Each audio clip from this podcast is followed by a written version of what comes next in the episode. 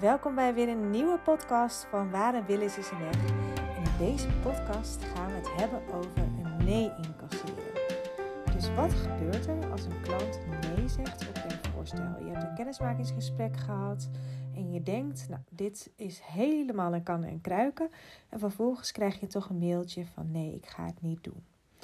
Wat kan je dan doen en waar ligt het aan? Dat ga ik je vertellen in deze podcast. Ik ga je meenemen in mijn ervaring hierin en hoe ik mijn klanten hierop coach.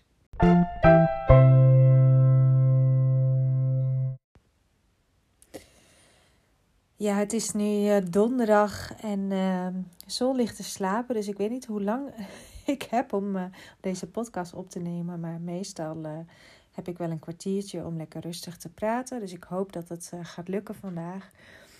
En uh, deze les is ontstaan vanuit een vraag van een klant.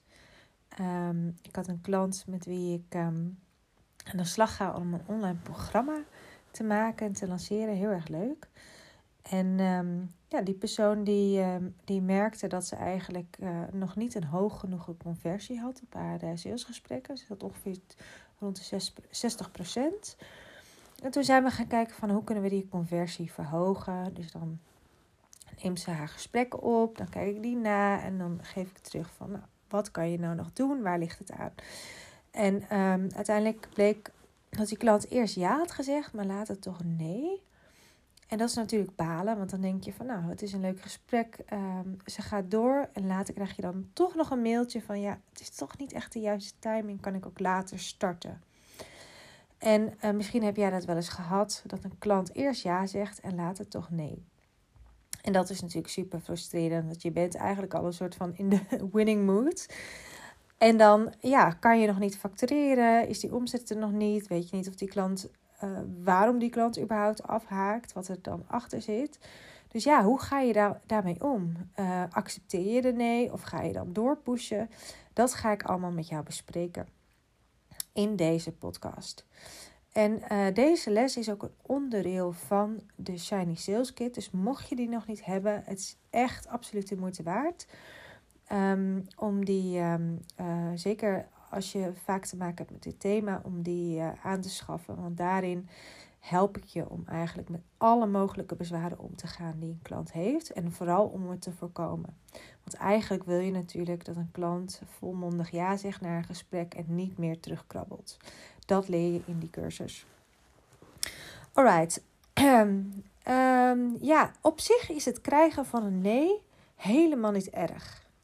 Want um, zeker als je gewoon echt een goed uh, salesproces hebt, is soms het krijgen van een nee hoort bij het opschalen van je diensten, het verhogen van je prijzen.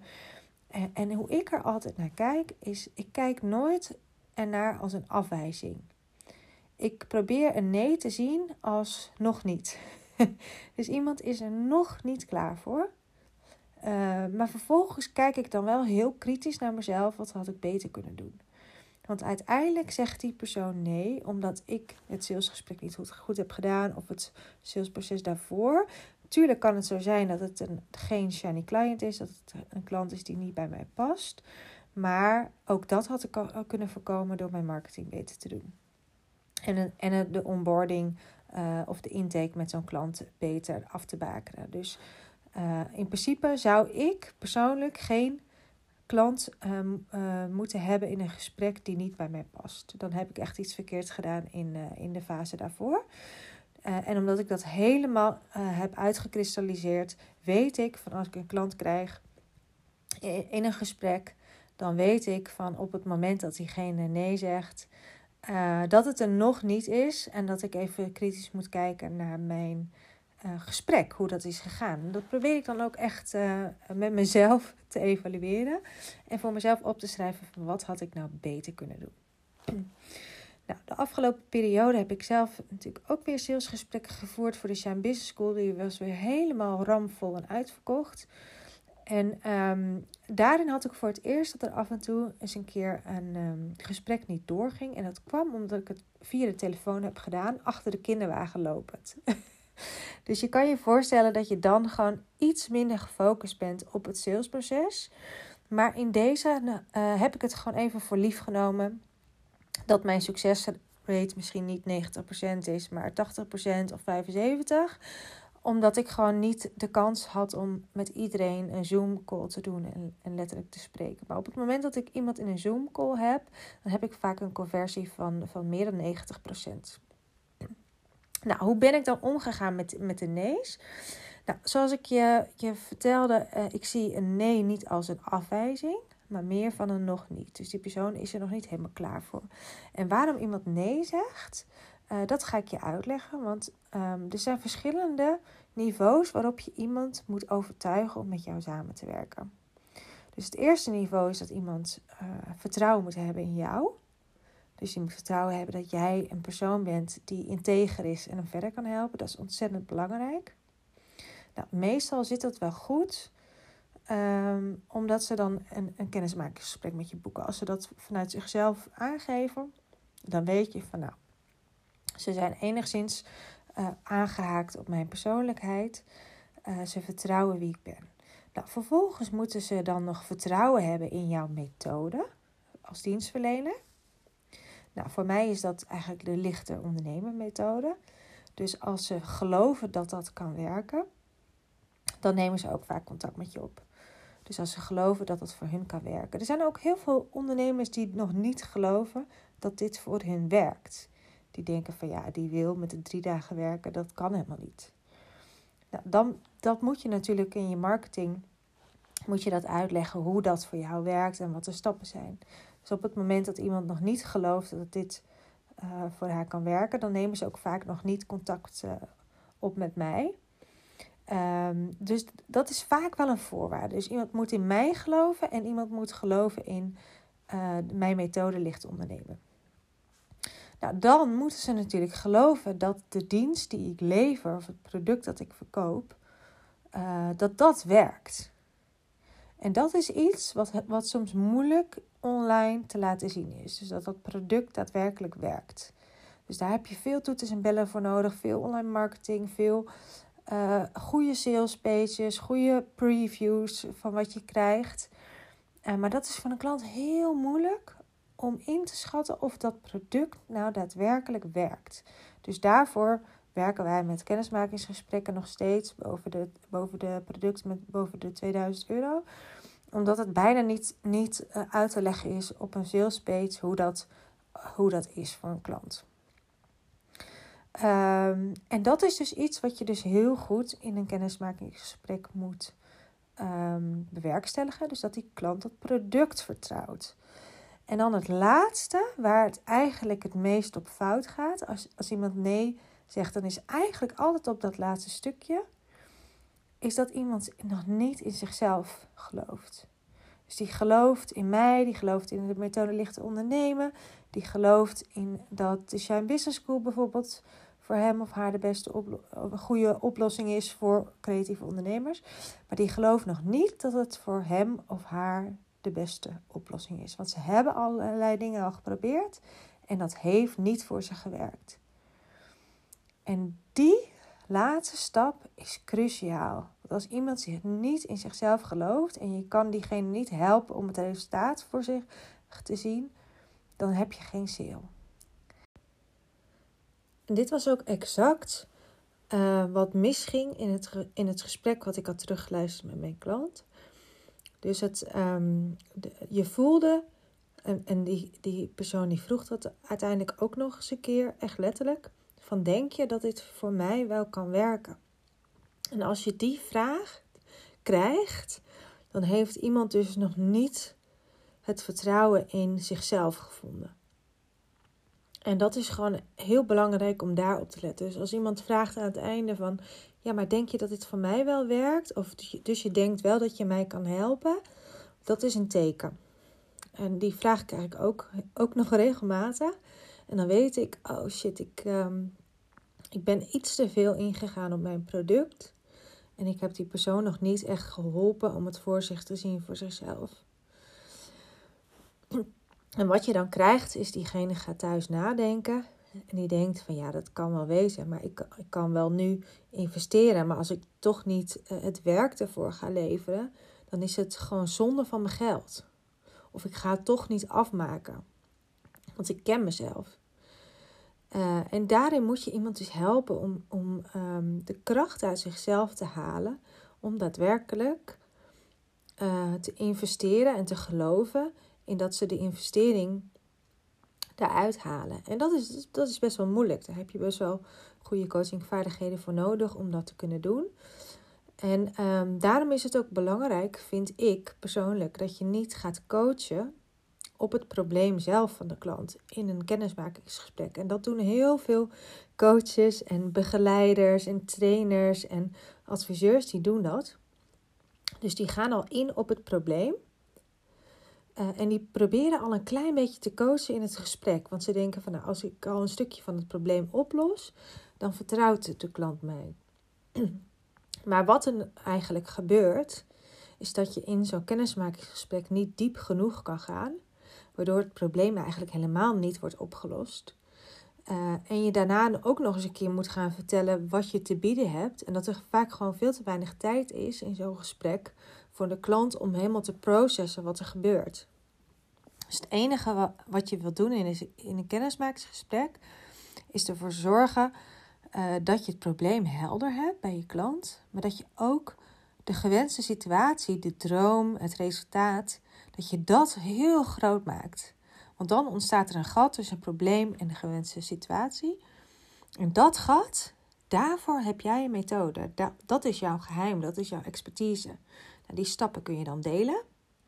Maar echt de hoe, hoe je dat gaat oplossen, dat krijgen ze pas als ze met jou gaan samenwerken. Wat je ook kan doen, is een klein stukje van de puzzel al oplossen. Uh, maar dat zou ik dan voornamelijk doen voorafgaand het gesprek. Dus bijvoorbeeld met een weggever. Uh, zou je al heel goed uh, je klanten bewust kunnen maken dat ze een probleem hebben en al een klein stukje van de puzzel oplossen. Maar in het kennismakingsgesprek wil je eigenlijk alleen maar focussen op, op de klant, dat je goed het probleem snapt. Dat op het moment dat je exact snapt wat het probleem is van een klant, dan kan je ook je je aanbod, je product, je online programma of je dienstverlening of je één op één coaching of je traject of je workshop positioneren ten opzichte van dat probleem. En als je dat doet, dan vertel je nooit te veel. Dan overwelm, overwelm je iemand ook niet met al je kennis en met al je, alles wat je zou kunnen doen. En dan kan die persoon ja zeggen op het resultaat wat ze met jou gaan behalen. Dus een persoon zegt natuurlijk nooit ja op 12 coaching sessies of elke week een sparringsmomentje. Die zegt ja op een resultaat. Dus dat is heel goed om te beseffen dat, dat alles, die toeters en bellen, alles wat jij levert, vaak helemaal niet belangrijk is in een kennismakingsgesprek. Dat kan je prima nasturen uh, daarna uh, met, een, met een voorstel. Dus dat leer je natuurlijk in, de, in uh, mijn salescursus. Er zijn een saleskit hoe je dat doet in het gesprek wil je met name focussen dat je het probleem begrijpt, dat je de klant ziet en dat je een voorstelling maakt van waar die klant naartoe zou kunnen groeien. En het is daarbij goed om gewoon al woorden te gebruiken alsof die klant al in de toekomst is. Alsof je het resultaat met die klant al hebt behaald. Want zo krijgt hij vertrouwen in zichzelf. En dan, dan hoef je natuurlijk ook nooit meer die vraag te, te stellen: van denk je dat dit voor mij gaat werken? Want als je al eigenlijk in de toekomst praat met de klant van nou, op het moment dat we dat jij hier staat, dan gaan wij dat en dat doen. En dan gebeurt er dat en dat. En dan na zoveel maanden sta je hier, hier en hier. Dan ziet die klant eigenlijk dat toekomstplaatje al voor zich. En die denkt, ja, als je het nou zo simpel vertelt in deze stappen, ja, waarom ook eigenlijk niet? Dus op het moment dat je, dat je een nee krijgt en iemand zegt van nou, ik kan nu de investering niet maken of eh, ik heb nu geen tijd, dan mag je er eigenlijk altijd wel van uitgaan dat die persoon nog niet in zichzelf gelooft. Het kan ook zijn dat je je dienst nog niet goed hebt gepositioneerd, nog niet goed in stap, stapjes hebt opgebroken, dat kan ook. Ehm, maar meestal is het die laatste, dat ze nog niet in zichzelf geloven en dat ze al van alles hebben geprobeerd en niet geloven dat jouw methode voor hun werkt. Ze kijken dan naar de case studies en ik krijg die feedback ook heel vaak. Ze kijken naar die case studies en denken van ja, Ja, maar zij was al veel verder. En dan vertel ik het verhaal erachter in een kennismakinggesprek. En dan bleek dat die persoon eigenlijk misschien nog wel minder ver was dan, dan de klant die ik heb in het gesprek. Maar toch vinden ze een manier om, om te bewijzen dat ze niet hoeven te veranderen. Want verandering is natuurlijk ontzettend pijnlijk. En ons brein weet, die kan niet in de toekomst kijken naar hoe die op lange termijn positief gaat uitwerken. We kennen alleen maar de huidige situatie. En de huidige situatie nu is vastzitten. En je herinnert natuurlijk al die keren dat je aan iets was begonnen en niet hebt afgemaakt. Dus waarom zou deze keer anders zijn? En het mooie is ook, van op het moment dat iemand gelooft dat hij daadwerkelijk kan veranderen, dan hebben ze ook mega veel resultaat als ze in een coaching traject stappen of in, in een consultancy traject of wat, welke dienstverlening je ook biedt.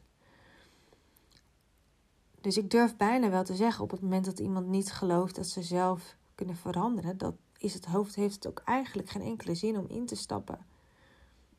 Want dan gaan ze dus ook niets veranderen. Dan gaan ze continu op zoek naar bevestiging dat het voor hun niet werkt, het trucje.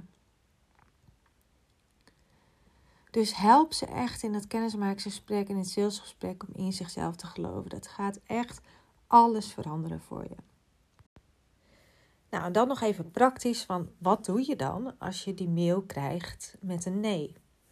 Ga je dan pushen? Ga je, ehm, ga je dan opbellen? Wat, wat doe je dan? Um, nou, en ik denk dat er hier best wel veel variatie zit in uh, business coaches, hoe zij hierover denken. En um, ik heb hier een hele duidelijke mening over, die denk ik niet heel gangbaar is. Maar uh, ik vind dat ik het dan gewoon beter had moeten doen in het kennismakingsgesprek. En ik vertrouw erop dat er in de toekomst een moment komt waarop ik die klant nog een keer kan helpen om vertrouwen in zichzelf te hebben. Door gratis content, door misschien een instapproduct, door nog eens een keer in te checken bij die klant. En um, op dat moment vind ik eigenlijk, uh, als iemand zegt van joh, het is nu voor mij niet de goede tijd, ik ga over een paar maanden weer kijken, dat ik moet respecteren dat dat het proces is waar diegene nu door uh, gaat. En ik push dus nooit door. Dus ik zeg van helemaal te begrijpen, als ik het begrijp. Kijk, mocht ik nog vragen hebben, uh, mocht iemand bijvoorbeeld de redenen er niet bij vertellen, dan ga ik daar nog wel op in. En dan vraag ik van, joh, zou je me um, kunnen vertellen waarom je het nu op dit moment geen goed idee uh, vindt? Ik zou graag um, mijn gesprekken willen verbeteren. Dus het helpt me enorm als je, als je nog even je motivatie deelt. Uh, maar als ze hun motivatie al duidelijk hebben gedeeld, van um, nou, op dit moment is het niet voor mij een goede tijd, ik kan me niet volledig focussen op het traject, dan respecteer ik dat en zeg ik ready when you are. Heel simpel. En het resultaat daarvan is, is dat heel veel mensen nog een jaar na het kennismakingsgesprek terugkomen. Dus die nee was inderdaad een nog niet. Ik heb ontzettend veel mensen met wie ik uh, een jaar geleden, anderhalf jaar geleden, een kennismakingsgesprek heb gehad, die nu pas instappen. En dat is oké. Want mijn klant, die is hartstikke slim. Die is slim genoeg om voor zichzelf te bepalen wanneer het het juiste moment is. En ik hoef niet door te pushen, want dan raak ik het vertrouwen kwijt. En um, ik neem gewoon mijn notities en zorg ervoor dat ik de volgende keer beter ben voorbereid in een kennismakingsgesprek. En vertrouw erop dat ze alsnog naar me toe komt. Want wat er gebeurt er als ik ga doorpushen, als ik nog drie keer ga bellen daarna. En um, dan raak ik ze kwijt. Dus dan raken ze ook dat vertrouwen in mij kwijt. En mijn klant is wat dat betreft gewoon heel gevoelig. Die wil gewoon heel graag de regie bij zichzelf houden. Die wil heel graag voelen of iets een juiste keuze is. Dus ze willen dat echt voelen in hun lijf. Dat ze er echt voor kunnen gaan. En dat respecteer ik. Dus van mij hoeven mijn klanten niet na te bellen, te pushen. Uh, we gaan gewoon door naar de volgende. En doen, we, doen het gesprek de volgende keer gewoon beter. Dus ik hoop dat je hier uh, wat aan hebt gehad. nou, in de Shiny Sales Kit leer je natuurlijk uh, exact welke vragen je moet stellen in een, uh, in een salesgesprek en hoe je de bezwaren moet wegnemen. Dus als je die nog niet hebt, dan um, is dat een hele fijne. En uh, ik zou het ook heel leuk vinden om te horen wat je aan deze podcast hebt gehad. Dus stuur me even een DM op Instagram als je me hebt beluisterd.